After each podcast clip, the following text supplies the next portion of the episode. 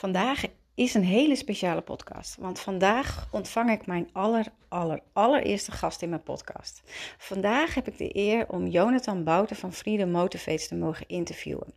Jonathan is coach en hij coacht ondernemende moeders. En ik vind het zo ontzettend stoer dat hij juist als man zijnde, en hij is nog geen eens vader, die ondernemende moeders coacht. Er zit een enorme drijfveer en een enorme passie achter. En als je mij ook al een beetje kent, houd ik juist heel erg van dat mensen hun passie volgen en juist niet de dingen doen die verwacht worden dat je gaat doen. Jonathan volgt heel erg zijn intuïtie, het pad wat hij heeft te volgen, waar hij voelt waar hij naartoe mag gaan, of zijn innerlijke kompas, zoals hij dat zelf noemt. Dit is niet altijd zo geweest. Ook hij heeft een periode in een cirkeltje gezeten. Dat hij wat vastzat in, ehm, in zijn leven. Dat hij zelf die stap juist mocht gaan maken om eruit te gaan stappen. Door zichzelf te gaan zien, door zichzelf waardevol te gaan voelen en zijn. En dat hij juist daardoor zichzelf op nummer 1 kon gaan zetten. Kortom, hij deelt heel veel tips met ons hoe hij juist losgebroken is van die patronen waar hij in zat, dat hij voor zijn vrijheid kon gaan, dat hij daardoor het avontuur in het leven kon gaan ontdekken en dat hij daardoor een gelukkig leven kan leiden. Ik zou zeggen, pak een lekker kopje thee, ga lekker zitten en geniet van deze aflevering.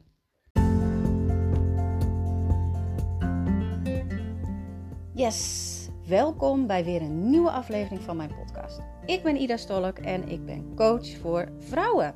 Met deze podcast wil ik jou graag inspiratie, tips en eye-openers geven om meer jezelf te kunnen zijn. Jezelf meer te kunnen gunnen, jezelf te omarmen, zodat jij je weer helemaal vrouw en sexy voelt. Dat jij weer vol van het leven kan genieten en je stoutste dromen waar kan maken. Want hoe zorg jij dat jij in volle vertrouwen van het leven kan genieten? En hoe zorg jij dat jij je weer aantrekkelijk voelt? Hoe ga jij vanuit je hoofd weer naar je lijf? Ben je er klaar? Voor? Yes, let's go! Dankjewel dat je er, dankjewel dat je er bent en ehm, dat ik jou even mag interviewen. En ik ben heel benieuwd, wie is Jonathan? Ja, ik ben ook benieuwd uh, um, hoe je die, die, die extra vragen kan stellen om daar achter te komen. Dat vind ik ook wel leuk. Ja, wie, wie Jonathan is. Um, nou ja, Jonathan is uh, een man van 35 die met vol passie uh, zijn onderneming draait. En um, het doet voor een beter leven te creëren voor zichzelf, maar vooral om, om, om de doelgroep wie ik probeer te begeleiden een, fantastisch leven te geven ook.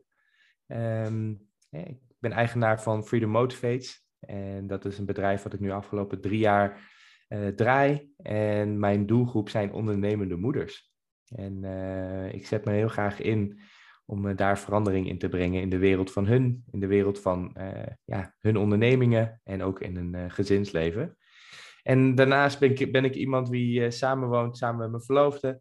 Ik hou ontzettend van sporten, avontuur um, en ik hou ontzettend van reizen. Ik ben een, een duizendpoot die vol enthousiasme overal induikt en met volle energie en positiviteit um, ja, van het leven houdt en probeert er ook het meeste uit te halen, absoluut. Ja, precies. En als ik jou dan ook zo zie, dan ben je ook echt heel erg energiek en avontuurlijk. En uh, ja, zit je vol in het leven. En je zei net ook al van een fantastisch leven. Ik wil graag dat vrouwen een fantastisch leven hebben. Wat versta jij precies onder een fantastisch leven? Um, een fantastisch leven waarbij jij denk ik het gevoel hebt dat jij um, controle hebt over wat je doet en wat je dus denkt. Um, een fantastisch leven hè, in, in, in social media en tv moet het allemaal groter en grandiozer. Maar ik denk dat het veel subtieler is. Dat, dat een persoon veel gelukkiger is als ze dankbaar zijn voor wat ze hebben. En als ze controle hebben over, over wat ze willen doen in hun leven. En ja, dat is zo ontzettend krachtig. Weet je, als je kan reageren op uh, wisselingen wat, wat de wereld naar je toe gooit. Als je kunt reageren op wisselingen wat er in je kop gebeurt. En als je je krachtig genoeg voelt om daarin uh, vanuit jezelf beslissingen te maken. ja, dan heb je echt een fantastisch leven. Alleen dit, dit zie je niet zo op tv. Je ziet de auto's, je, ziet, je moet mooi zijn, je ziet, weet je wel, zoveel mogelijk geld. En dat allemaal heeft ook zijn rol in het leven. Ehm, maar als je echt een goed leven wil hebben, dan, dan ja, is dat, datgene wat ik omschrijf, dat helpt zo ontzettend mee. Ja, en dat is, dus je omschrijft het een beetje alsof het niet buiten jezelf is, hè? dat het niet die auto is of het huis is, of, maar dat het meer in jezelf zit. Bedoel je dat? Ja, ik, ik heb ook in mijn masterclass heb ik een zin die ik vaak gebruik. Hoeveel miljonairs heb je zien neerploffen op een 5000 euro dure bank in een villa, terwijl ze nog diep ongelukkig zijn? Ze hoopten dat geld een leegte intern op zouden vullen, maar dat doet het nooit. En, en, en dat is het onderscheid, dat wat is hetgene wat jij het gevoel hebt dat je mist in je leven, eh, 9 van de 10 keer zou dat nooit extern opgevuld kunnen worden. En, daarom zit geluk veel meer binnen uh, dan buiten. En, en, zoals ik dat ook altijd zeg, je moet niet van buiten naar binnen leven, maar van binnen naar buiten. En van binnen naar buiten is jij, jouw intuïtie, jouw hart, jouw, jouw gut feeling, zoals ze in het Engels zeggen, je buik. Wat zegt die en wat biedt die jou aan en reikt die jou aan van welk pad je moet gaan volgen in je leven? waar jij gelukkig van wordt. Want die heeft een wijsheid, dat, dat is veel sterker dan wat je denkt op social media te zien. Dat is veel sterker wat je denkt op het nieuws te zien en wat je denkt in je omgeving te zien. Weet je, wat jou gelukkig maakt, hoeft niet te zijn wat jouw buurman gelukkig maakt. En dat is het stukje zoektocht wat heel veel mensen lastig vinden. Zeker omdat we zo gewend zijn om naar de buitenwereld te kijken. We zijn zo gewend om ehm, ja, te vragen wat we moeten doen.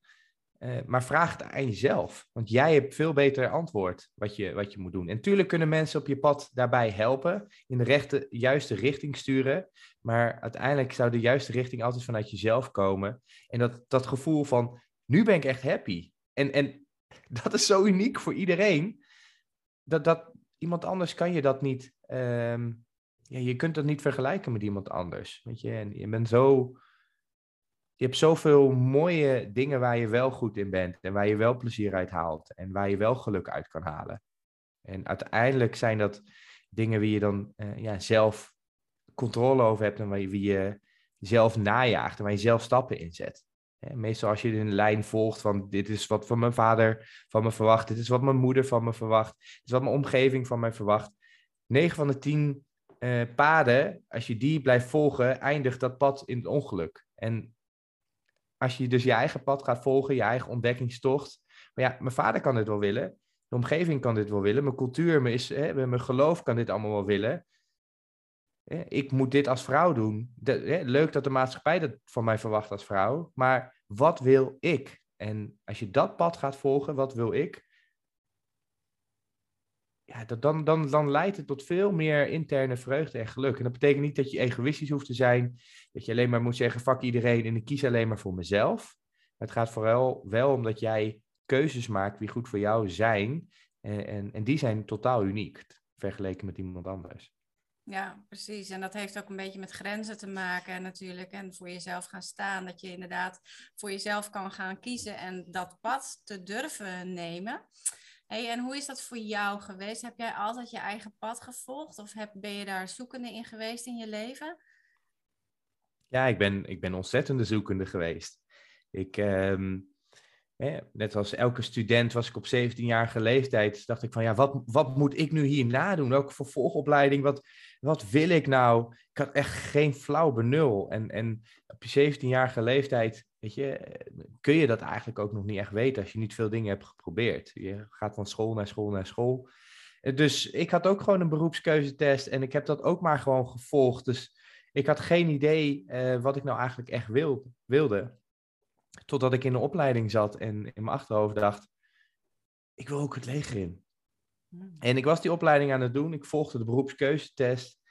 En ergens toch bleef er een stemmetje in mijn achterhoofd, ik wil het leger in. En uiteindelijk, eh, na meer dan een jaar, anderhalf jaar, heb ik toch naar het stemmetje geluisterd, de opleiding gestopt en heb ik gesolliciteerd om het leger in te gaan. En ehm, ja, ik was twintig toen ik het leger in ging. En dat was de eerste keer dat ik ook echt mijn eigen pad volgde en dat ik koos voor mezelf. En ehm, ja, dat is een voorbeeld van, ja, ik wist het in eerste instantie niet, maar uiteindelijk ben ik wel blij dat ik naar wel daarna had geluisterd, wat ik wel een lastige beslissing vond. Ehm, ja, en na het leger had ik precies het tegenovergestelde, dat ik niet mijn pad volgde. Ik werd een beetje geleid door het leven. Um, ik kreeg een relatie, ik ging samenwonen, ik ging een huis kopen, ik ging verhuizen naar een ander deel van Nederland. Ik had mijn baan veranderd, allemaal om ehm, wat ik dacht, de situatie te verbeteren in de relatie. Dus ja, ik ben van het leger gaan werken in de, in de gevangenis. En uiteindelijk verbrak de relatie. En daardoor werd ik weer geleid door de buitenwereld. Ik werd weer geleid door uh, mijn hypotheek. Ik had letterlijk een stemmetje die zei, weet je, blijf bij deze baan, want je moet je hypotheek nu betalen. Weet je wel, ik had het huis samen met iemand gekocht en één, keer stond ik er alleen voor. En ik kon niet meer normaal denken, ik kon niet meer normaal beslissen. Ik werd volledig geleid door die buitenwereld. En um, dat was zo sterk uh, dat, dat, dat ik een overtuiging had gekregen. Dat op een gegeven moment ook begon te denken, kan ik zo ook niks anders nu? Ik moet dit wel, ik kan niks anders, ik moet wel. En dat stemmetje was zo verankerd in mij dat ik, ondanks dat ik deze baan eigenlijk, waar ik achter kwam, niet, niet gelukkig van werd. De omgeving, um, mijn hart ging er niet van zingen. Maar de, dat stemmetje was zo krachtig dat ik vier jaar lang bij die baan bleef. Dus vier jaar lang deed ik dus het tegenovergestelde wat ik net omschreef. Vier jaar lang volgde ik dus niet mijn interne kompas. Vier jaar lang uh, deed ik iets waar ik ongelukkig van werd. En, en totdat ik eindelijk die stap durfde te maken um, en totaal wat anders ging doen, toen pas realiseerde ik weer, wacht eens even. Ik heb me weer volledig laten leiden door mijn stem. Ik heb me volledig laten leiden door die diep geworden overtuigingen, wie ik aan heb mogen kijken en wie ik heb mogen tackelen voordat ik die stap had gemaakt. En ja, gelukkig had ik dat gedaan. En eigenlijk, en, en dit is het mooie, ehm, ik probeer heel erg krachtig vanuit mezelf te werken met alles wat ik doe. En mijn bedrijf heet Freedom Motivates. En eigenlijk is het Freedom Motivates geboren op het moment dat ik stopte met het werken in de gevangenis. Het, ik, ik, ik werkte als gevangenisbewaarder, maar ik voelde me ook gevangen. Totdat ik me niet meer gevangen voelde en toen voelde ik me vrij. En dat vrij voelen, dat heeft de oorsprong in mijn, in mijn bedrijf. Weet je, alles, mijn, mijn hele brand, alles staat voor gevangenis en vrijbreken. En Ehm, dat, dat gevoel wat ik toen ervaarde, ja, dat gun ik letterlijk aan, aan iedereen. De vrijheid dat je kan kiezen voor wat je wilt. De vrijheid dat je kan kiezen voor dingen wat jou gelukkiger maakt. En ja, zoals ik altijd zeg, freedom motivates. Hoe meer vrijheid je ervaart in je leven, hoe meer dat je motiveert om op andere gebieden ook vrijheid na te jagen. Weet je wel, je voelt je lekkerder in je vel. Wat is er nog meer mogelijk? Weet je wel, je voelt je financieel wat, wat meer rustiger. Wat is er nog meer mogelijk? Je bent gelukkiger met je baan. Wat is nog meer mogelijk? Ben, weet je wel, je houdt van jezelf. Wat is er nog meer mogelijk? Je hebt een goede relatie. Wat is er nog meer mogelijk? hoe meer vrijheid je ervaart, hoe meer je ook gevoel hebt, wacht even. Dit is een aspect, dit, dit voelt fijn. En, en daarom gun ik dat ook iedereen. En zelf heb ik een zoektocht gehad van, van negen jaar. Hè. Negen jaar geleden stopte ik dus bij de gevangenis van hoe ik dit nog meer kan uitbuiten bij mezelf. En door zelf een heel proces over uh, daar doorheen te zijn gegaan, door heel veel erover geleerd, gelezen, uh, inspiratie hebben opgedaan, heel veel stappen hebben gezet, heb ik er ja, zo'n mooie fundering van gebouwd.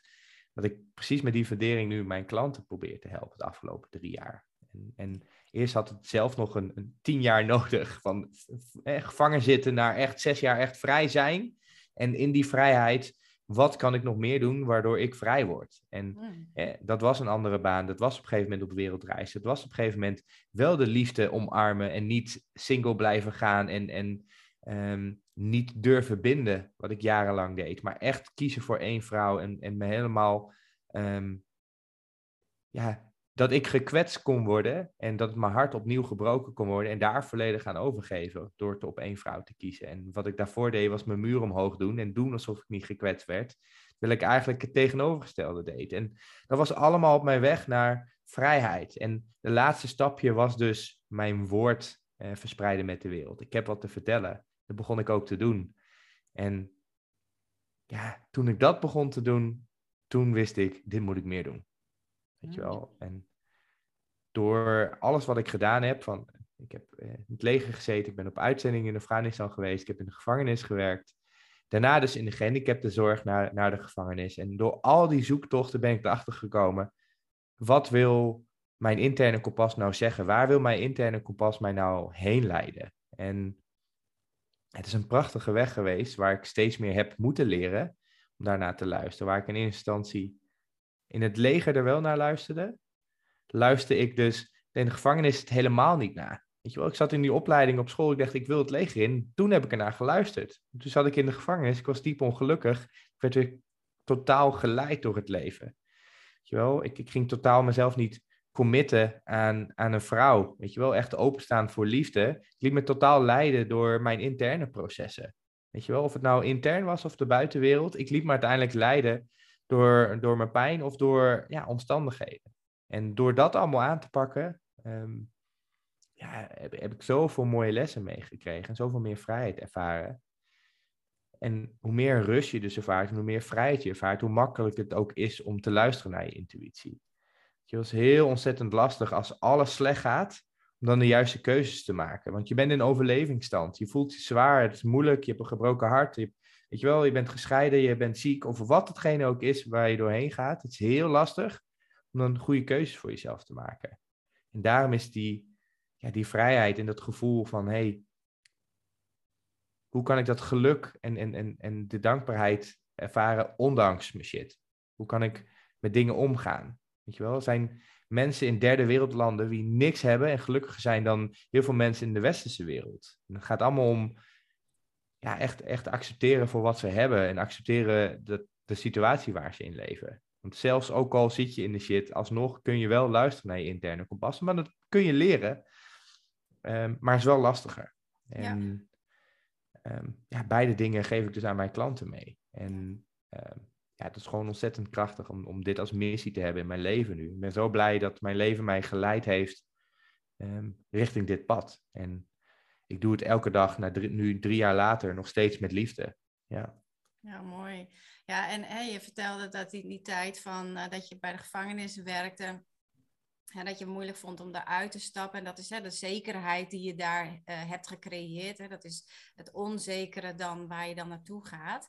Hey, uh, vaak als je niet je pad volgt, als het niet lekker gaat, ervaar je ook, tenminste dat is mijn ervaring, um, ook lichamelijke klachten. Had jij daar ook last van? Maar misschien een beetje verdoofd, een beetje geestelijk verdoofd, een beetje um, passief, weet je wel. Veel liggen. Um, aan de ene kant had ik heel veel energie, aan de andere kant juist heel veel niet. Um, dus ik, ik zat een beetje in een tussenfase. Niet op, op echt lichamelijk dat ik, dat ik ook echt pijntjes en dat soort dingen had. maar wel vooral ja, dat, meer dat passieve, dat mentale passieve. Weet je wel, ja. dat, dat ik niet zo krachtig intern voelde. Dat, dat was het meer. Een beetje verdoofd. Weet je wel, als ik op maandagochtend binnenkwam op mijn werk, zei ik al, is het weekend. Weet je wel, en de rest van de week was ik dus een klein beetje verdoofd met alles wat ik dus deed, omdat ik eigenlijk diep ongelukkig was. En ja, dat mentale verdoven, dat, dat, dat, dat werkt door in je leven. Weet je wel, dat gevoel wat je hebt op je werk om het maar uit te schakelen dat je niet gelukkig bent, dat neem je mee in je vriendschappelijke relaties en, en, en, en je dating, wat ik dus heel erg uh, deed op die, uh, ja, in die jaren. Um, maar uiteindelijk, ja, je, je, je probeerde dus niet te voelen. Nee. En, en dat maakt jou niet echt gelukkig. Nee. Dat maakte mij niet echt gelukkig. En eigenlijk extreem eenzaam. Ik ben heel eenzaam geweest in die periode. Ja. ja. Dus ik, ik, ik, ik, weet je wel, eh, ik lees veel over die, die ouderen die dan helemaal niemand meer hebben. Ik, ik, voel, ik voel, voelde me die jaren op die momenten zo ontzettend sterk. Ja. Ik heb heel wat battles moeten overwinnen tegen eenzaamheid. Weet je wel? Uh, kerst, nieuwjaar alleen, maar echt alleen alleen. Weinig vrienden, weinig mensen um, in mijn omgeving. Ik stootte mensen af, maar ik kon ook niet die relaties aangaan, want ik was meer verdoofd. Ik ging niet die verbinding aan. Ik ging niet die, de diepere lagen in de relatie. Weet je wel, naast dat ik bang was om gekwetst te worden, ik kon mezelf niet openstellen, want ik had gewoon zo'n muur op dat ik, dat ik onbewust ook al mensen afstoten. Dat ik onbewust mensen al geen toenadering naar mij zochten, omdat ze, ja, je hebt een soort van bravoure om je heen, een soort van houding, dat terwijl je het heel graag wilt, dat je tegelijkertijd ook afstoot. En, en ehm, ja, dat was, dat was jaren later, toen ik er pas uitkwam, um, had ik dat pas door. En zeker toen ik mijn relatie aanging, heb ik daar heel wat la. Eh, ik ben nu verloofd. Um, hebben drie jaar samen met mijn partner. En ja, vooral in de eerste fase kwam ik daarachter, wacht eens even. Het was niet alleen door mij, maar het is ook door de houding waardoor mensen die toenadering hadden. En het was niet. Um, ja, dus het was van beide kanten werkt het zo natuurlijk. Het is niet alleen maar dat je op de verkeerde plek zit en niet met mensen die jou begrijpen of wat dan ook. Het is ook jouw manier van houding waardoor mensen minder toenadering tot je zoeken. Ja. En die fase heb ik ook allemaal doorlopen. En ja, ehm, ja dat is zo ontzettend krachtig. Ja, precies. Ja, en dat is, hè, dat is een soort overlevingsstrategie, zeg maar, om ook maar niet te hoeven voelen. Want wanneer je gaat voelen, hè, daar ben ik natuurlijk een beetje van, dan, dan ga je ook daadwerkelijk alles voelen. En, en, ehm, en mijn, uh, hoe ik het dan zie is, uh, wanneer je dus niet bereid bent om alles te voelen, dan voel je ook de, de, de mooie dingen in het leven niet. Omdat het, hè, je, je levelt dat wat met elkaar. Dus hè, de, de, omdat je dat diepe, die diepe pijn niet gaat voelen. Want er zat natuurlijk een pijn achter, waardoor je niet die stap durfde te nemen. En het universum, hè, je, die duwt je altijd wel weer naar je eigen pad. Hè? Dus ja, jij noemt het het innerlijke kompas. Het maakt niet uit, bron, universum, innerlijke kompas. Het komt allemaal hetzelfde neer. Um, maar vaak um, omdat je zo in dat cirkeltje zit, omdat je zo vasthoudt aan die zekerheid en uh, richting de buitenwereld dan probeert te fixen wat er te fixen is om dat gevoel maar weer te krijgen, um, zie je dat er wat gebeurt. dat het universum jou een, een hintje geeft. En als je niet wil luisteren, dat hij een klapje geeft. En als je dan nog niet wil luisteren, heel vaak een burn-out. Of dat je inderdaad zoveel lichamelijke klachten krijgt dat je wel iets moet gaan doen. Uh, heb jij dat ook zo ervaren? Hoe stapte jij uit die cirkel?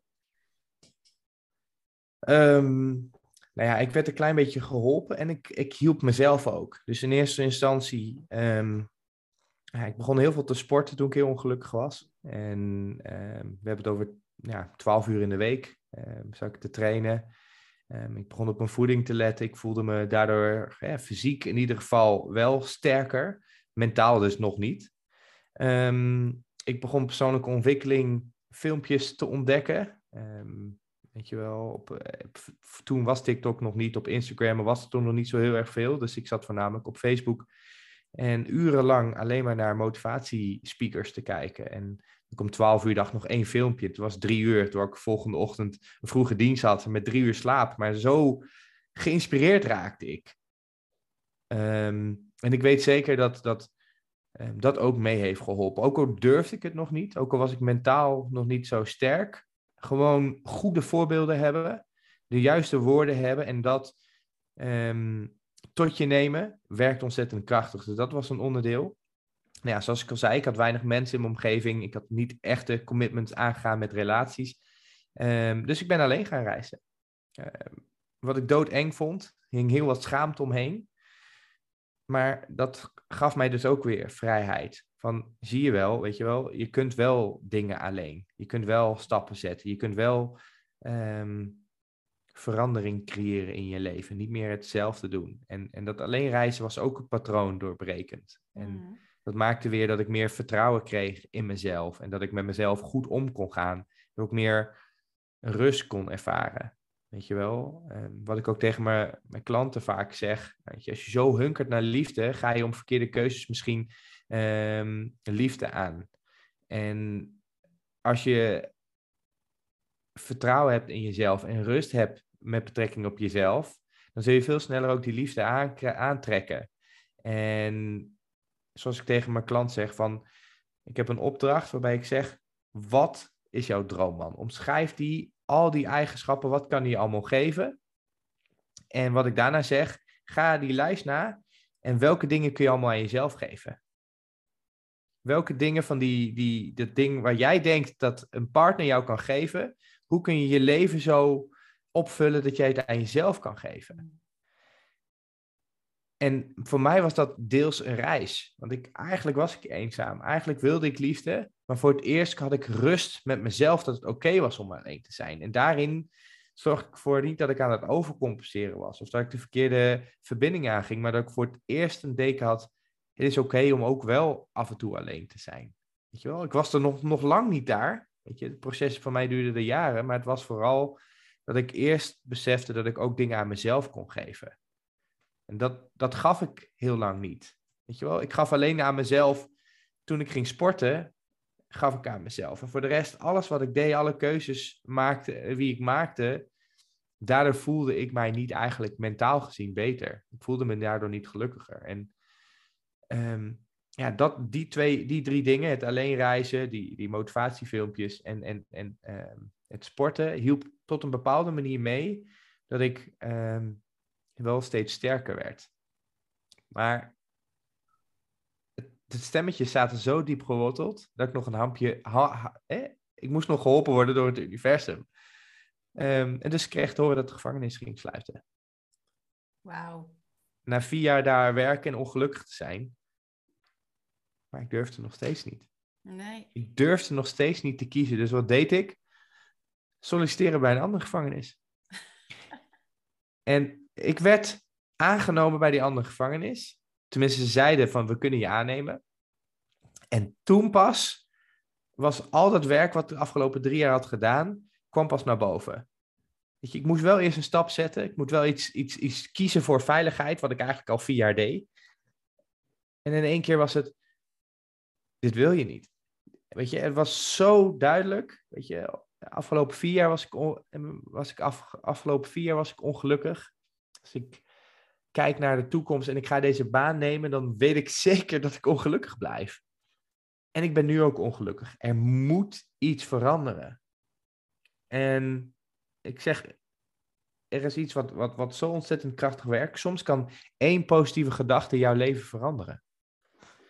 Weet je wel, de hoe-vraag en, en waarom gebeurt dit mij en waarom ben ik zo ongelukkig en Weet je wel, vaak zijn de dingen of de overtuigingen wat we tegen onszelf zeggen, zorgt voor alsof je in een hamsterwiel zit waar je gewoon niet uitkomt.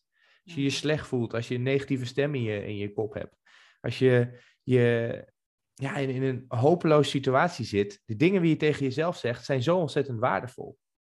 En ik zei dus vier jaar tegen mezelf, ik kan niks anders. Waardoor er ook geen optie meer was. Nee.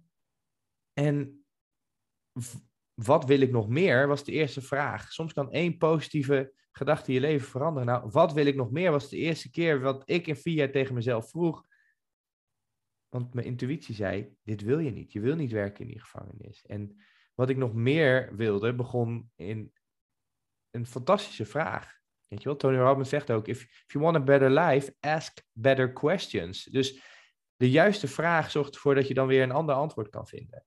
En dat deed die vraag. En daarna kon ik nog een antwoord vinden en nog een antwoord. En uiteindelijk kwam ik uit dat ik ja, bij de gehandicaptenzorg, ik, ik wilde weer terug naar school. En ehm, ja, dat pad heb ik toen uiteindelijk gevolgd. En toen merkte ik ook dat ik wel de juiste keuze had gemaakt. Want toen ik dus ging solliciteren, merkte ik dus wel dat ik in de, wel niet in de juiste omgeving zat. Weet je wel, mensen zeiden, ik was toen 27, ga je weer terug naar school in de gevangenis. Allemaal jonge mensen. Ja. Dat, ik, dat ik verbaasd was. Huh? Hoezo kun je op je 27e niet naar school? Kun je wel wat anders? Dat hun ook zaten te twijfelen van ga je wat anders doen? Wat doe jij nou in de zorg? Wat heb jij nou wat voor ervaring? Dus toen merkte ik ook dat die omgeving ook meehielp. Maar dat, dat heb je pas door als je zelf keuzes maakt die goed zijn voor jou. Ja. Dan pas heb je omgeving door. Weet je wel, je kunt een hele destructieve relatie hebben. Of ouders wie, wie het beste bedoelen, maar niet dat, dat zorgt er niet voor dat jij gelukkig wordt. Of vrienden die je naar beneden kunnen halen, omdat ze willen dat, dat jij niet beter gaat dan, dan hun. Maar dat heb je pas door als je keuzes gaat maken waar, waar, waar jij wat aan hebt en waar jij gelukkig van wordt. En dan pas ga je door dat mensen jou willen houden uh, wat voor hun veilig is. En dat was in mijn optiek toen ik ging solliciteren uh, heel wat anders. Dat hun vooral vanuit hunzelf. Ik denk, huh? ik kan gewoon naar school hoor. Ik, ik, ik zie dat wel, dat ik dit kan. Maar voor het eerst kon ik dat pas denken. Voor het eerst kon ik daar pas in vergelijken. Want ik zat vier jaar lang in hetzelfde schuitje als hun. Maar omdat ik dus echt voor mezelf durfde te kiezen. En ja, dat was de beste optie ooit. Weet je wel? En na vier jaar in TL-balken in de gevangenis, want je, je werkt ook gewoon de hele dag binnen. Je zit zelf ook opgesloten vier jaar lang. Je voelt je niet vrij aan het moment dat je daar rondloopt. Uh, met, je, met je bewaarders uh, outfit en je portofoon en dat soort dingen. Dus op een gegeven moment zat ik in de gehandicaptenzorg. Gingen we buiten wandelen. In de natuur. Een uur. Ik wist niet waar me overkwam. Nee. Ik liep in de natuur. En het interesseerde mij niet dat, dat, dat het werk wat ik deed, dat dat uh, niet bij mij paste. Maar dat gevoel van vrijheid was zo magisch. En het werk paste uiteindelijk wel bij mij. Ik had er eigenlijk gewoon geen ervaring en daar moest ik in groeien. Ja. Maar het was zo magisch om dat gevoel van vrijheid te ervaren. En eigenlijk daar had ik een beslissing gemaakt voor de rest van mijn leven. Ik ga nooit en dan ook nooit meer terug naar dat gevoel. Weet je wel? En, en voor de rest van mijn leven ga ik kiezen voor vrijheid. En eigenlijk heb ik daar een gedachte, een overtuiging in mij geankerd die tien keer sterker was dan ik kan niks anders. Die tien keer sterker was dan ik heb deze baan nodig om mijn hypotheek te betalen. Die overtuiging was, ik zou de rest van mijn leven kiezen voor dingen wat mij vrijheid geeft en wat ook gelukkig wordt. En zo is mijn pad de afgelopen negen jaar geweest. Zoveel mogelijk kiezen waarbij ik intern en extern vrijheid ga voelen. En, en zo een leven te creëren waar ik controle over heb, maar waardoor ik me ook echt vrij voel. En oh, dat is zo verdomde mooi. Mm, zeker, absoluut. Ja, en, en de omgeving probeert je altijd een beetje tegen te houden. Hè? Wat jij zei van hè, dat mensen dan ineens zeggen van zou je nou wel een opleiding gaan doen? Zou je nou wel gaan wisselen van de baan? Uh, zou je een uh, vast contract uh, wel opgeven? En toch heb jij dat gedaan. Toch heb jij dat vaste contract, of in ieder geval je zekerheid opgegeven en weer heel wat nieuws um, gaan starten. Um, uh, ik weet dat hier heel veel vrouwen tegenaan zitten. Hè? Ook uh, uh, vrouwen die een onderneming willen gaan starten, die dus uit, uit loondiensten willen gaan. Um, wat voor tip heb jij aan hen? Hoe ben jij daar overheen gaan stappen? Nou ja, hoe meer je kiest voor jezelf, hoe meer je ook gaat gaan inzien wat, wat dat intern bij jou teweeg brengt. En, en je kunt niet kiezen voor jezelf tegelijkertijd kiezen voor een ander. Dat is onmogelijk. Of je doet het een of je doet het ander. Dus als jij eigenlijk luistert naar de buitenwereld of advies aanneemt, ben je dus niet aan het kiezen voor jezelf. Dus kun je ook niet dat gevoel krijgen om echt die beslissing te maken voor jezelf. Het onderscheid is zo ontzettend duidelijk. Dus dan kies je dus half. Dan kies je dus ook weer half voor jezelf. Voel je het gevoel half ben je nog steeds beïnvloedbaar en voel je niet die interne sterke kracht om voor jezelf te kiezen. Dus of je kiest om iedereen hè, naar je vriend uh, te houden, of je kiest voor jezelf. Of je kiest um, ja, voor je gezin en voor alles in je omgeving en voor veiligheid, of je kiest voor jezelf. Je kunt ook beide kiezen, maar in eerste instantie betekent dus wel dat je eerst wel volledig voor jezelf moet kiezen. Dat je een stap uh, en dat je echt een beslissing moet maken. Dit doe ik voor mij. En daar mag geen twijfel in, in zitten. Je moet dat echt voelen. En wat daarbij kan helpen is jezelf dingen gunnen. En, en in mijn optiek komt gunnen en, en zelfliefde is iets wat ik ontzettend veel gebruik in mijn trajecten. Zelfliefde, ja, ik, ik verraad het eigenlijk al, maar als je echt ontzettend van jezelf houdt, dan gun je jezelf meer. Als je echt ontzettend van jezelf houdt, dan gun je jezelf ook niet minder. Hmm. Dus als jij je leven wilt verbeteren, ga dan kijken naar ja, hoe je naar jezelf kijkt. Verdien jij dit? Of heb jij het gevoel dat, dat jij dit niet verdient? En hoe meer jij het gevoel hebt, ik hou van mezelf, ik verdien meer. Ik zie mezelf als zo'n persoon wie meer verdient. Ik zie mezelf als zo'n persoon wie zo'n onderneming mag hebben. Ik zie mezelf als iemand wie meer geld mag verdienen. Ik zie mezelf als een moeder wie, wie goed voor zichzelf mag zorgen. Want nogmaals, jij geeft het voorbeeld aan je kinderen. Hè? En, en, en je moet realiseren, op het moment dat jij jezelf niet voorop zet, laat je dus aan je kinderen zien hoe zij eh, zichzelf, of dus als, je, als je jongens hebt, hoe zij vrouwen moeten behandelen. En, en ik zeg dit expres confronterend, want dat is hoe het neer. Jij geeft het voorbeeld aan je kinderen. En als je geen kinderen hebt en gewoon alleen zit, het mag goed met jou gaan. En als het goed met jou gaat, betekent niet dat je dus slechter kan zorgen voor de mensen in jouw omgeving. En meestal als je voor jezelf kiest, dan voelt het alsof je je omgeving tekort doet. Als je tijd neemt voor jezelf, als je dingen doet voor jezelf, los van, van, van je partner, als je kiest voor dingen waar jij gelukkig van wordt, weet je wel, dan voelt het misschien soms oneerlijk. Maar waar ik achter ben gekomen, uit mijn eigen ervaringen, maar ook bij, bij, bij alle klanten wat, wat ik help, is als het goed met jou gaat. Dus als jij gelukkig bent en als jij keuzes maakt in lijn met waar jij gelukkig van wordt, ja, dan ben je zoveel meer hè, meerwaarde voor je omgeving. ik omschrijf het altijd als een, een, een half kopje met energie. En hoe meer je het kopje vult, alles wat op het schoteltje valt, dat is zoveel sterker. Hmm. En, en hoe je je kopje kan vullen is voor jezelf te zorgen. Hoe je je kopje kan vullen is door zelf gelukkig te zijn, door zelf hè, ehm, sterk te voelen, zelfverzekerd te voelen, door keuzes te maken waarbij je rust ervaart, interne rust en externe rust. En hoe meer je dat kopje vult, alles wat overstroomt op het schoteltje, dat is 10.000 keer krachtiger. Weet je wel, ga met, als jij je niet gelukkig voelt, ga dan maar mensen helpen. En, en, en dat is het kromme. Een, een of andere reden gaan mensen denken dat het andersom is. Dat je iedereen in je omgeving moet helpen, dat je hè, goed moet zorgen voor alles en iedereen en, en dat het dan wel goed met jou gaat.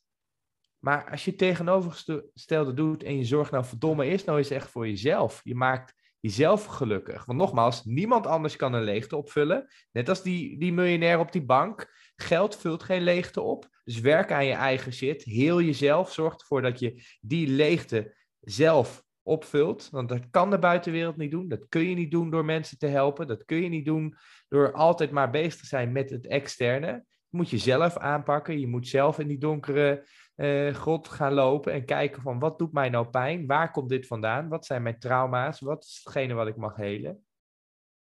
Zorg dat je dankbaar bent voor wat je hebt. Want als je daaraan werkt, dan ben je zoveel sterker en, en, en een meerwaarde voor de buitenwereld. En dat heb ik zelf ook ervaren. Ik, ik kon geen relatie aan. Ik kon, ik kon, weet je wel, als ik acht jaar geleden mijn klanten kon helpen, dan hadden ze een hele shitty ervaring als coach, als ik hun coach was geweest. Waarom? Ik was zelf niet gelukkig en happy. Acht jaar geleden kon ik niet zo diep uh, de connectie aangaan met mijn vriendin, met mijn partner. Weet je wel? Hoe gelukkiger je bent, hoe, hoe beter je en klaar je kan staan voor andere mensen. Het is zoveel sterker als jij rust neemt en je lekker in je vel voelt, om dan een connectie aan te gaan met de mensen in jouw omgeving. Die connectie is sterker, dus dieper, je voelt meer rust, je voelt meer connectie. En hoe meer je van jezelf houdt, hoe meer je ook die liefde door kan geven. Hoe meer gelukkiger je bent, hoe meer je ook door kan geven. Het hoeft niet slecht met jou te gaan. En dus als je dan kiest, heel lang antwoord, maar als je dan kiest, kies dan echt daadwerkelijk ook echt voor jezelf. En weet dan ook, als je dat pad volgt, dat dat gaat bijdragen voor jouw omgeving. Dus het is niet anderen of jij, het is jij kiest en daarom ben je er juist beter voor anderen. Het is en-en. Het is niet of-of. Weet je, dat zwart-wit denken, dat gaat jou niet helpen. Weet je, voelt dit juist? Voel je dat jij de juiste keuze maakt? En natuurlijk kun je um, beide kiezen. Je hoeft niet meteen je baan op te zeggen. Je kunt gewoon bouwen aan je onderneming, kiezen voor jezelf en tegelijkertijd voor je gezin zorgen door gewoon een loondienst je geld binnen te krijgen. Weet je wel? Je kunt ook een, een leukere baan kiezen in de tussenfase, terwijl je bouwt aan je onderneming. Weet je wel, de Hollywood story van we gaan op een bank slapen en we gaan dan onze onderneming opbouwen in een garage. Weet je wel, dat klinkt allemaal hartstikke mooi, maar in de werkelijkheid heb je ook gewoon een gezin en huis en dat soort dingen. Je kunt beide, maar waar het om gaat is dat je tegelijkertijd wel kiest voor jezelf. En wel die stappen zet en volmondig ja zegt tegen dat pad van ondernemerschap. Of tegen die droom, tegen die wereldreis. Of tegen jij wie uh, naar de jungle in, in, in Amazon wil omdat je een ayahuasca wil doen. Of wat dat pad ook is. Het is jij wie ja zegt tegen jezelf en dat pad volledig omarmt. En dat gaat niet samen met ja tegen anderen kiezen. Het is of je kiest voor jezelf, want die werelden, ja, dat, dat gaat niet samen. Je moet volledig kiezen voor jezelf en daarna volledig kiezen voor een ander. Dat werkt sowieso veel krachtiger. Ja. Weet je wel, als je half met je eigen shit zit, dan kun je geen verbinding aangaan met je partner. Dan kies je half voor jezelf en half voor je partner. Dus kies dan eerst 100% voor jezelf. Dan ga je 100% ook wel makkelijker kunnen zijn voor jouw partner. Hetzelfde geldt is, ga 100% voor je onderneming kiezen. Kom dan thuis en ga dan 100% aanwezig zijn bij je partner of bij je kinderen. Niks kan tegelijkertijd samen. Dus als je het daar op die manier ziet, weet je wel, een, een, man, een mens kan zich niet focussen op meerdere dingen. We denken wel dat we allemaal dat kunnen. Dus focus eerst op jezelf. Focus eerst op je dromen, op jouw geluk. En focus, moment dat je dus bij je partner bent, in het hier en het nu, op hun. Op focus op jouw zelfzorg. Of focus op je kinderen. Op, zie het allemaal als losse eilandjes. Zie het allemaal als losse planeten waar je individueel aandacht aan moet besteden. Maar dat houdt altijd in dat je ook altijd individueel aandacht aan jouw planeet moet uh, besteden. En aan jezelf moet zorgen. En dat is zo ontzettend krachtig. Als je dat realiseert, ja, dan verandert je hele wereld. Mm Ja, en dit, dat is echt voor jezelf gaan staan en voor jezelf gaan kiezen, jezelf waardevol vinden om die, om die stap te gaan maken. Hè? Om, en het vertrouwen erin hebben ook dat het goed komt. En bereid zijn om te falen. Want die zit vaak ook nog hè, dat, dat, erachter dat we dingen niet willen doen omdat we bang zijn dat het een mislukking wordt. Hè? Dat, je, dat je toch gaat luisteren naar je omgeving. Die zegt, zou je dat nou wel doen? En dat het hier in het hoofd begint te ratelen van, oh ja, het kan misschien ook wel mislukken. Hè? Eh, en dat is allemaal onderdeel van het proces, onderdeel van, van je reis, waar je weer van mag leren en, en uh, waardoor je steeds weer sterker wordt en stapje voor stapje mag gaan doen. Um, ik ben nu net, ik heb gisteren mijn eerste vioolles gehad. Ik heb uh, eigenlijk als kind zijnde had ik al een droom om viool te gaan spelen. Uh, ik weet nog wel dat ik als klein meisje in de muziekschool stond en dacht van, die viool, dat wil ik wel gaan spelen. Maar ja, ik kom uit een blazersgezin, dus mijn vader zei van, nee, we gaan geen viool spelen, we gaan uh, cornet spelen. Dus ik heb ik heb jarenlang cornet gespeeld. Ik heb ook een eigen cornet. Nou ja, nu sinds de komst van de kinderen niet meer, want ik had er geen, even geen tijd meer voor. En ik merk toch dat de muzikaliteit mij trekt. Um, dus ik dacht, waarom ook niet? Waarom zou ik nu nog niet vioolles gaan nemen? En dat vind ik mezelf waard. Maar ik merk inderdaad dat de omgeving zegt van, zou je dat nou wel doen? Uh, straks, het gaat je niet lukken. zelfs mijn zoon die zei van, nou, wanneer ga je weer stoppen? Maar ik denk, nee, ik ga dit gewoon stapje voor stapje ga ik dit ontdekken. En dat is dan ook weer de kracht, hè? dat je het gewoon maar gaat ontdekken. Dat je gewoon maar die reis, zoals jij dat ook zegt, dat avontuur aan mag gaan en uh, steeds uh, verder uh, groeit. Nou ja, en inmiddels coach je ondernemende vrouwen, ondernemende moeders, sorry. En ik weet nog wel dat ik jou een berichtje stuurde van ik vind het zo ontzettend tof dat jij deze doelgroep als man zijn doet. Want dat, dat hoor je gewoon niet vaak. Kijk, ik coach vrouwen ook vaak moeders. Maar ik ben zelf natuurlijk een moeder. Het is ook je eigen ervaring wat je dan meeneemt. Die ervaring die mis jij. Vind je dat niet uh, lastiger? Of wat, wat heeft je doen besluiten om juist ondernemende moeders te gaan coachen? Um, nou ja, meerdere redenen. Als we beginnen bij het zakelijke stukje. Ik, ik heb um, ja, eerst 2,5 jaar heb ik vrouwelijke ondernemers als doelgroep gehad. Uh, weet je wel, ik had uh, drie jaar geleden uh, volgde ik een traject bij Tibor. En toen zei hij van ja, als je niet kiest, dan, dan, dan kun je ook niet gekozen worden. Als je iedereen wilt aantrekken, ja, dan, dan, dan voelt niemand zich aangesproken.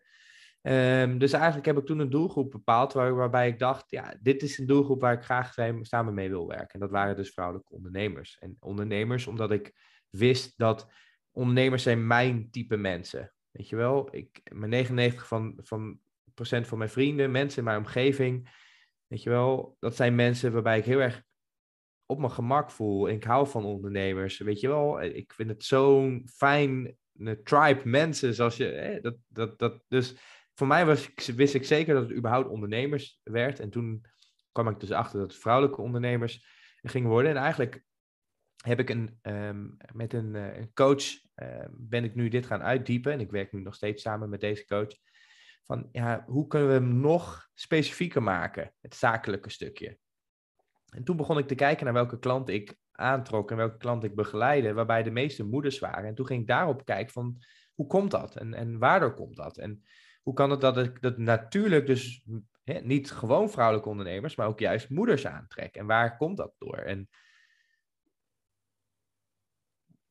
toen begin ik, begon ik ook voor mezelf nadenken van als ik daarvoor kies, waarom zou ik daarvoor kiezen, willen kiezen? En ik heb veel meegemaakt in mijn jeugd. En, ehm, ik heb altijd gedoe gehad met mijn moeder. Ik heb, uh, ben ook uit huis geplaatst. Ik, uh, ik heb in het kinderthuis als kind gezeten een aantal jaren. Um, en wat ik zo ontzettend krachtig is, vind, um, dat ik dat stukje pijn wat ik bij mezelf um, hè, grotendeels geheeld heb. Ik omschrijf mezelf wel als, als een vergeten kind.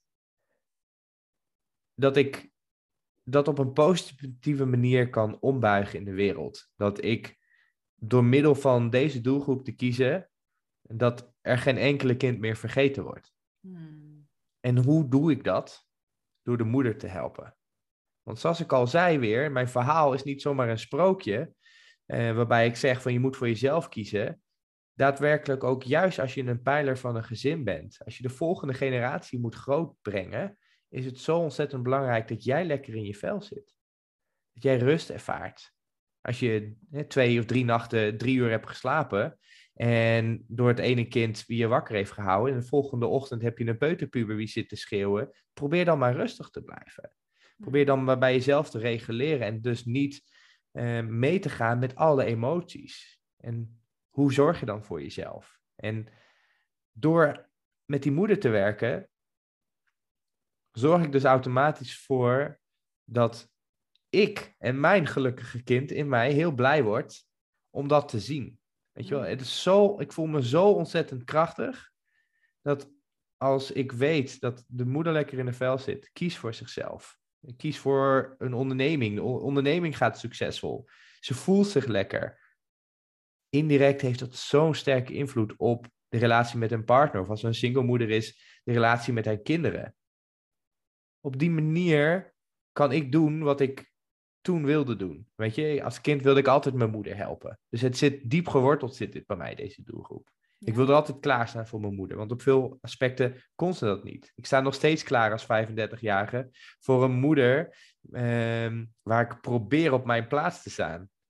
Ja, en, en uh, ik had laatst een boek gelezen van Els Fontijn, waar ze, waar ze heel mooi zegt dat um, ja, als je als kind boven je ouders gaat staan, dan zit je niet goed als je probeert je ouders alleen maar te helpen. Dus ik probeer op mijn plaats te staan. En dat is lastig als je dat al 30 jaar niet doet. Weet je wel? En ik vind het zo ontzettend krachtig dat ik toch, en niet vanuit een pijn, niet vanuit een trauma, want grotendeels heb ik, zit ik daar helemaal niet meer in. Maar ik vind het wel mooi dat ik de wereld op die manier wel kan verbeteren vanuit mijn eigen pijn. Weet wel, soms is een pijn en, en shit wat je hebt meegemaakt in je leven, kan het ontzettend krachtig werken als motivator. Als motivator voor verandering of verandering. En ik wil letterlijk de wereld hiermee veranderen. En daar begin ik met individueel bij mijn klanten mee. Je, op die manier verander ik ook de wereld. Daar heb ik invloed op. Ik kan deze pijn omzetten in iets moois, waardoor ik heel wat gelukkige moeders kan creëren. En daardoor veel minder vergeten kinderen. Je, als ik, um, ik heb klanten die mij elke dag een filmpje sturen met affirmaties en krachtige dingen, wat ze zeggen. En ja, dat ook heel veel moeders zeggen, mijn kinderen hebben het gehoord. Ik, mijn, mijn, jongste die kan de hele video. En ik had het niet eens door wat voor invloed ik op mijn kinderen heb. Want je hebt zoveel meer invloed op je kinderen dan dat je denkt. Of dat ik filmpjes opgestuurd krijg van ouders met hun kinderen die filmpjes opnemen. En ik denk, hier, hier gaat het om. Het gaat niet alleen om mij, het gaat niet alleen om mijn onderneming. Maar het gaat ook om die volgende generatie. En ik voel zo sterk dat ik die moeders kan helpen als man. Ik, die pijn wat ik heb meegemaakt. Ik ben ook wel kind geweest. Ik heb ook wel een moeder gehad die heel veel keuzes had gemaakt die niet goed waren. Waardoor ik heel goed duidelijk weet wat je wel kunt doen, welke keuzes kan maken. En juist omdat ik vanuit een ander perspectief erin sta, kan ik heel goed die moeders helpen. Weet je wel? En als je er vindt dat ik als man jou niet kan helpen, ben ik sowieso niet jouw coach. Als je vindt dat ik als man zonder kinderen, want ik heb ook geen eens kinderen, jou niet kan helpen, ben ik sowieso niet jouw coach. Als je vindt dat een man nooit kan voelen wat een vrouw voelt, dan ben ik sowieso niet jouw coach. Weet je wel, hoe kan ik wat vinden van jou? Ik krijg wel eens zulke berichtjes. Ik had het laten over body image en dat soort dingen. Dat dat helpt voor mij om in te leven waar vrouwen doorheen gaat. Maar dat iemand heel boos zei. Ja, je kunt nooit voelen hoe een vrouw voelt. Maar het gaat niet om voelen. Het gaat om compassie en empathie en inlevingsvermogen. Weet je wel? En natuurlijk maakt een ervaring en ervaringsdeskundige ontzettend krachtig. Maar het hoeft niet alles te zijn. En er zijn op zoveel andere aspecten wat nul met moederschap te maken heeft en nul met vrouw zijn te maken heeft, waar je aan kan werken als moeder. En die eigenschappen, daar ben ik verdomde goed in.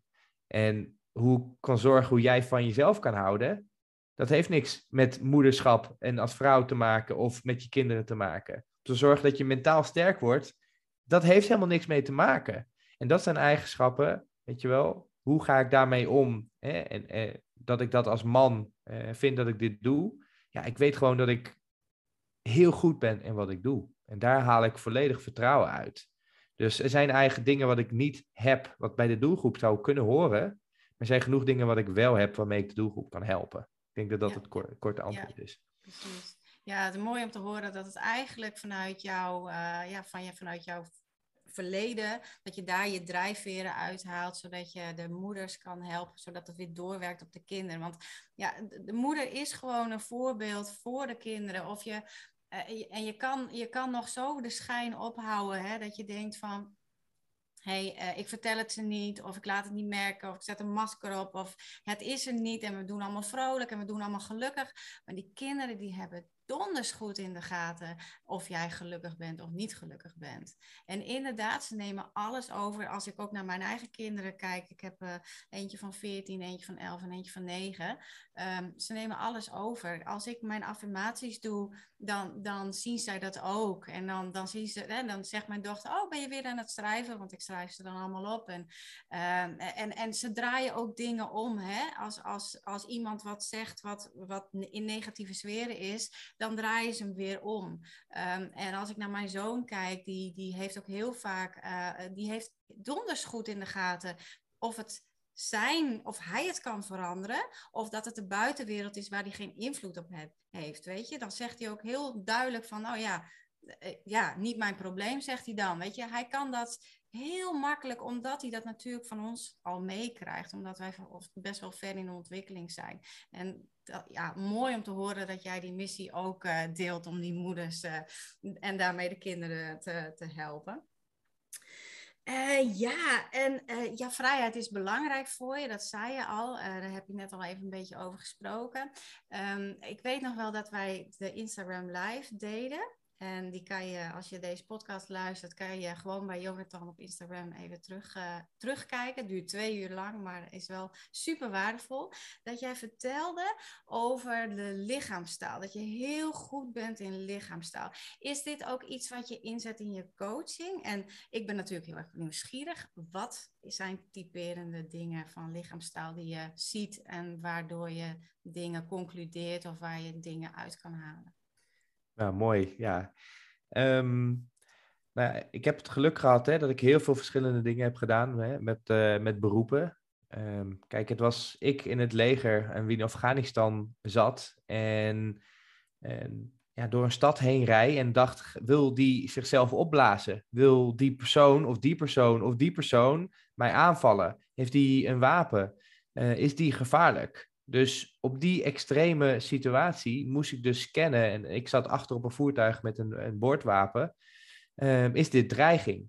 Hmm. En ja, naast alle ervaring daarnaast is die vijf maanden op uitzending. Waarbij je dus constant in het extreme um, ook micro-expressies moet herkennen bij andere mensen. Hoe, hoe, hoe, hoe en wat gaat er gebeuren? En dat je daar heel snel op moet anticiperen. Dus dat je extreem gefocust wordt op eh, lichaamstaal van mensen. In de schemering, in s morgens, middags, avonds, met weinig slaap of wat dan ook. Het enige wat je aan het doen bent, is mensen lezen. Ja. Nou, vanuit die ervaring wat ik al had, ging ik werken in de gevangenis. En moet je dan voorstellen dat ik als gevangenisbewaarder ehm, bij het bezoek zat. En gaat die drugs overgeven? Gaat die bezoeker drugs geven aan de anderen? En dit is een, een voorbeeldsituatie wat ik meerdere keren heb meegemaakt. Ehm, of dat je van de camera's gaat meekijken bij het bezoek. En ehm, wat is het gedrag wat de bezoekers laat zien? Ja, als ze binnenkomen en, en ze lopen de, de voordeur binnen. Hmm, wat zie ik bepaald gedrag? Weet je wel? Um, zijn, zijn, zijn de, de gede, in, uh, gedetineerden zijn die ja, zelf onrustig? Weet je wel? Dus heel erg kijken naar wat doen hun. En ook weer daarin de spanning, uh, de, de micro-expressies. Wat is normaal, wat is niet normaal? Zie je, weet wel, is dit een normaal, uh, normale relatie of is het geen normale relatie? Is dit wel echt een vriendin? Want het lijkt er wel op dat ze doen op een hele rare verstandhouding. Hoe ze elkaar aanraken of wat dan ook. Dus je gaat ook op die manier ga je ook weer kijken. Dus dan ben ik alweer acht jaar verder. Ja, daarna was het in de gehandicaptenzorg. Um, ik werkte met een doelgroep dat heet MVG, moeilijk verstaanbaar gedrag. En ja, ik werkte met volwassenen um, die cognitief als kinderen zijn. En hun konden niet omgaan, weet je wel, met, met spanningen, met stress en dat soort dingen. En ja, heel snel werd het te veel. Ja, dan gaan ze met tafels borden gooien, dan worden ze agressief, dan vallen ze je aan. Dus hoe kun je letterlijk deescalerend werken? Wanneer kun je dit inzetten? Wanneer kun je dat doen? Wat voor lichaamstaal laten ze zien? En je bent alleen maar bezig. Hoe voelt ze zich nu? En, en het mooie is, dat kan per half uur verschillen. Weet je wel, de ene keer denk je, oh, die voelt goed. En denk je in één keer zie je wat gebeuren. En wij als normale mens kunnen daarop reageren. Maar als je en autisme hebt en een verstandelijke beperking, of soms nog een lichamelijke beperking erbij, kun je daar niet normaal op reageren. Dus het enige wat ik aan het doen was, en dat is na acht jaar ervaring, hoe, wat moet ik nu doen om te verzorgen dat de cliënt rust ervaart? Wat kan ik inzetten? Wat kan ik gebruiken? Wat kan ik zeggen? Hè, als ze echt een beetje kunnen praten, dat je daarop kan reageren. Um, een doelgroep, hè, ik heb een doelgroep gewerkt wie helemaal niet praten. Wie, wie hè, cognitief als twee, driejarigen zijn, maar helemaal niet kunnen praten. Dus het enige wat je dan hebt, is lichaamstaal. Het enige wat hun dan laten zien, is lichaamstaal. Dus je kunt alleen maar kijken naar wat ze doen. Ja, en gooi daar dan nog drie jaar coaching bij en naar klanten kijken. Dan ben ik 15, 16 jaar uh, lichaamstaal kijken uh, rijker. En het is door zoveel ervaring voelt het vaak zelfs in, intuïtief wat ik zie. Ik kan het niet eens meer, niet, niet eens meer um, uitleggen soms. Ik zie het gewoon. Weet ja. je wel, als een klant zegt, en die probeert wel, eh, met klanten heb ik ook wel vaak verkoopsprekken of zichtbaarheid. Of um, eh, als ze zeggen van, eh, ik hou van mezelf. Heb je dat bij je gevoelstukje gedaan? Of als mensen in hun hoofd zitten of voelen, je ziet gewoon een onderscheid. En als ik dan aan het coachen ben, dan, dan merk ik gewoon door hun lichaamstaal dat ze in hun hoofd zitten en niet aan het voelen zijn. En dat er gewoon letterlijk wat gebeurt met hun schouders, met hun, met hun ogen, met een, met een ademhaling, met een buik. En op een Zoom-call zie je dan nog lang niet zoveel als in het echt. In het echt zie je nog zoveel meer wat het met iemand doet. En ja, dat is zo ontzettend krachtig en ik, ik maak daar zeker gebruik van. Hè. Zoals ik al zei, ik, laat mijn klanten ook filmpjes opsturen. Dat ik ook zeg, ja, bij je laatste, laatste zin voelde je hem niet helemaal. Hè, want je oogje ging zo of je zag je lipje. Of, en, en daardoor 9 van de 10 keer, of ja, eigenlijk bijna altijd, zit ik wel goed. Dan zeg je, ja, klopt, ik voelde niet helemaal, of ik zat in mijn hoofd, of ik werd afgeleid. En dat ze, soms zijn ze nog steeds verbaasd dat ik die, die feedback geef. Of van, ja, je voelde niet helemaal die zin toen je zei van dat je van jezelf hield. Of je voelde niet helemaal die zin toen je zei dat je jezelf ging, niet meer weg ging cijferen. En als ik het wel voel, ja, dan, dan zie ik dat ook in de lichaamstaal. Weet je wel? En daarom is het ook zo congruent. Als je zegt en spreekt en doet wat je intern ook echt voelt, ja, dat komt gewoon concurrent over. Als je ergens twijfelt of als je het ergens niet voelt of onzeker bent, dan straal je dat uit in je lichaam. En uh, ja, ik maak daar in mijn coaching constant gebruik van. En, en ja, eigenlijk bij alles wat ik doe. Maar als ik ook gewoon op een verjaardag zit bij mensen, dan, dan zie ik daardoor ook veel meer. Hmm. Ik, zie, ik, ik, ik scan gewoon, ik hou van, ja, daarom ben ik denk ik ook coach geworden. Ik hou gewoon van achteruit zitten en, en, en kijken naar mensen en observeren Weet je wel? Ook omdat ik dat eigenlijk al, al 15 jaar doe, ehm, vind ik het ook leuk. Ik geniet ervan. En, en ik mm. heb het geluk dat ik een uh, vriendin heb die psycholoog is. En ja, weet je wel, dan kunnen we samen kunnen we dan naar mensen kijken. En uh, ja, dan kunnen we dat stukje delen. En, mm. ja. Ja, mooi. Ja, het is een, een, een, stukje intuïtie wat je daarin gevormd hebt, uh, als ik het zo uh, hoor. En ik, ik, herken het ook wel. Ik heb dan, maar goed, ik zie het dan niet aan lichaamstaal. Het is meer een gevoel wat ik heb. Um, en als ik hier mensen in hypnose heb ook, hè, um, het onderbewuste ligt nooit. Uh, en die, die zegt eigenlijk altijd de waarheid. En dat, ja, dat kan je inderdaad zien door lichaamstaal. En als iemand onder hypnose is, dan zie ik dat aan de, aan de vingerbewegingen die dan gebeuren. En dan zeggen ze nee en dan weet ik, hé, hey, maar die vinger beweegt. En dan weet ik van, hé, hey, maar er is wel wat. Dus dan kunnen we daarop verder. Dus het, ja, inderdaad, mooi. Mooi dat je die ook inzet uh, bij je klanten. Ik zie dat we ook al een uur bezig zijn. Um, ik wil nog even één vraag stellen. Um, we hadden het nog even over hypnose, dat je vriendin zei van, hey, um, best wel uh, uh, spannend. Hè? Nou, dat uh, hebben we het heel even over gehad. En ik hoorde jou net ook over controle. Dat je zelf de controle in je leven hebt. Hè? En, en, en dat je dus zelf kan besluiten kan nemen. Maar in hoeverre kan jij de controle loslaten? Oh, dat is een hele goeie. Je zit precies bij mijn stukje waar ik aan werken ben. En waar ik toevallig gisteren er enorm mee struggelde. Yes. dus dank je wel dat je... Weet je wel... Hallo mensen, ik zeg heel veel mooie dingen. Maar uiteindelijk ben ik mens. Hmm. En dat vind ik ook eh, heel leuk. Ik zeg ook tegen mijn klanten altijd: je bent eerst mens en dan pas superwoman moeder. Ehm, soms is het lastig als coach om te erkennen dat je dingen niet goed kan. Aan de andere kant is het ook wel weer bevrijdend, want uiteindelijk ik ben ook mens. En controle loslaten, ja, dat zijn stukjes wat ik ehm, ontzettend uh, lastig vind op sommige momenten. Ja, er zijn ehm, bij hele grote dingen kan ik heel goed de controle loslaten, omdat ik heel veel intern vertrouwen heb. Um, ik kan heel goed reageren op alles en dat, dat komt vooral vanuit het leger en dat soort dingen, dat ik gewoon uh, mentaal en fysiek voorbereid ben op het ergste. En dat ik dus intern vertrouwen heb dat ik daarop kan reageren. Dus wat er ook gaat gebeuren, als er iets heftigs kan gebeuren, wat dan ook, weet ik zeker dat, dat ik daar goed op ga reageren. Maar het zijn juist al die andere dingen wat ik soms wel lastig vind. Hè met betrekking op ondernemerschap of zo, of bepaalde andere dingen. Ehm, ja, meer de, de, ja, de andere dingen wat ik wat lastig vind om soms de controle los te laten. Dat is zeker waar, ja. En wat zijn, kan je een voorbeeld geven van andere dingen? Um, ja, heel af en toe. Kijk, als je bezig bent met uh, sales, als je bezig bent met uh, klanten aantrekken. En dan heb je een bepaalde verwachting op bepaalde beelden. En, en Weet je wel, eh, je weet niet wanneer nieuwe klanten op je pad komen op sommige momenten. Je moet daarin dus helemaal vertrouwen en loslaten uh, dat die klanten er wel komen. Ik ben nu bezig met een retreat en ergens gaat die, dat stemmetje van controle gaat daar dan um, wel af en toe met je aan de haal. Weet je wel, hij is niet altijd aanwezig. Ik kan hem heel snel ombuigen, maar als hij aanwezig is, dan voel ik hem daadwerkelijk. En dan weet ik dat het nog invloed op me heeft.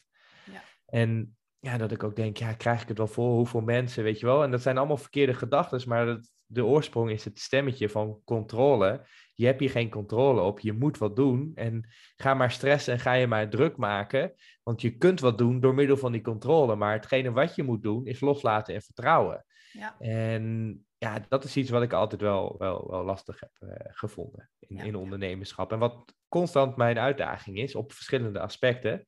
Um, ja, waar ik eigenlijk ook wel aan werk. Ja. ja, mooi. Mooi dat je daar aan werkt. En het is, ja, het, ondernemerschap is inderdaad ook best wel spannend. En uh, ja, daar mag je dus ook loslaten. En je mag ook bepaalde uh, ja, verwachtingen loslaten. Hè? Uh, of als je klanten krijgt, tenminste dat je graag wil dat ze klant worden en dat je ziet, ik kan je zo goed helpen. En, en, en dat ze dan toch het niet doet en, doen en, en dat je ze dan ook echt los mag laten. En inderdaad, nou ja, dat retreat, weet je, uh, het komt niet voor niks op je pad. En je voelt niet voor niks van, hé, hey, dit mag ik gaan doen. Dus je mag er ook op vertrouwen dat het zo komt zoals het hoort te zijn, zoals het bedoeld is om te zijn. En misschien heb je in je hoofd iets heel groots, maar ja, En is het juist voor nu de bedoeling dat het wat kleiner is, of juist dat het nog groter gaat worden? Het, het, weet je, het dat is het. Het is de verwachting eigenlijk gewoon loslaten en het avontuur inderdaad gewoon maar aangaan. Dus uh, fantastisch. Heb je nog één tip, allerlaatste, wat jij heel belangrijk vindt?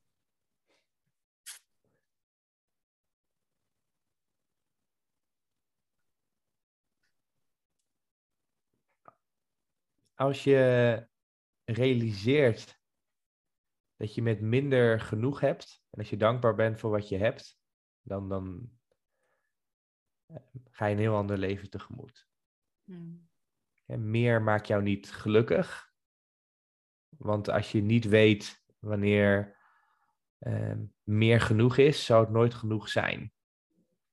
Dus realiseer dat hetgene wat je hebt, het leven wat je hebt, dat in eerste instantie dat dat iets is waar je nu al dankbaar voor mag zijn.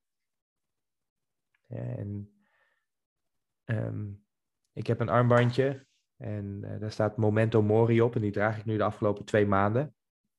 En dat is een Griekse, Griekse spreuk, uh, wat betekent onthoud dat je sterfelijk bent.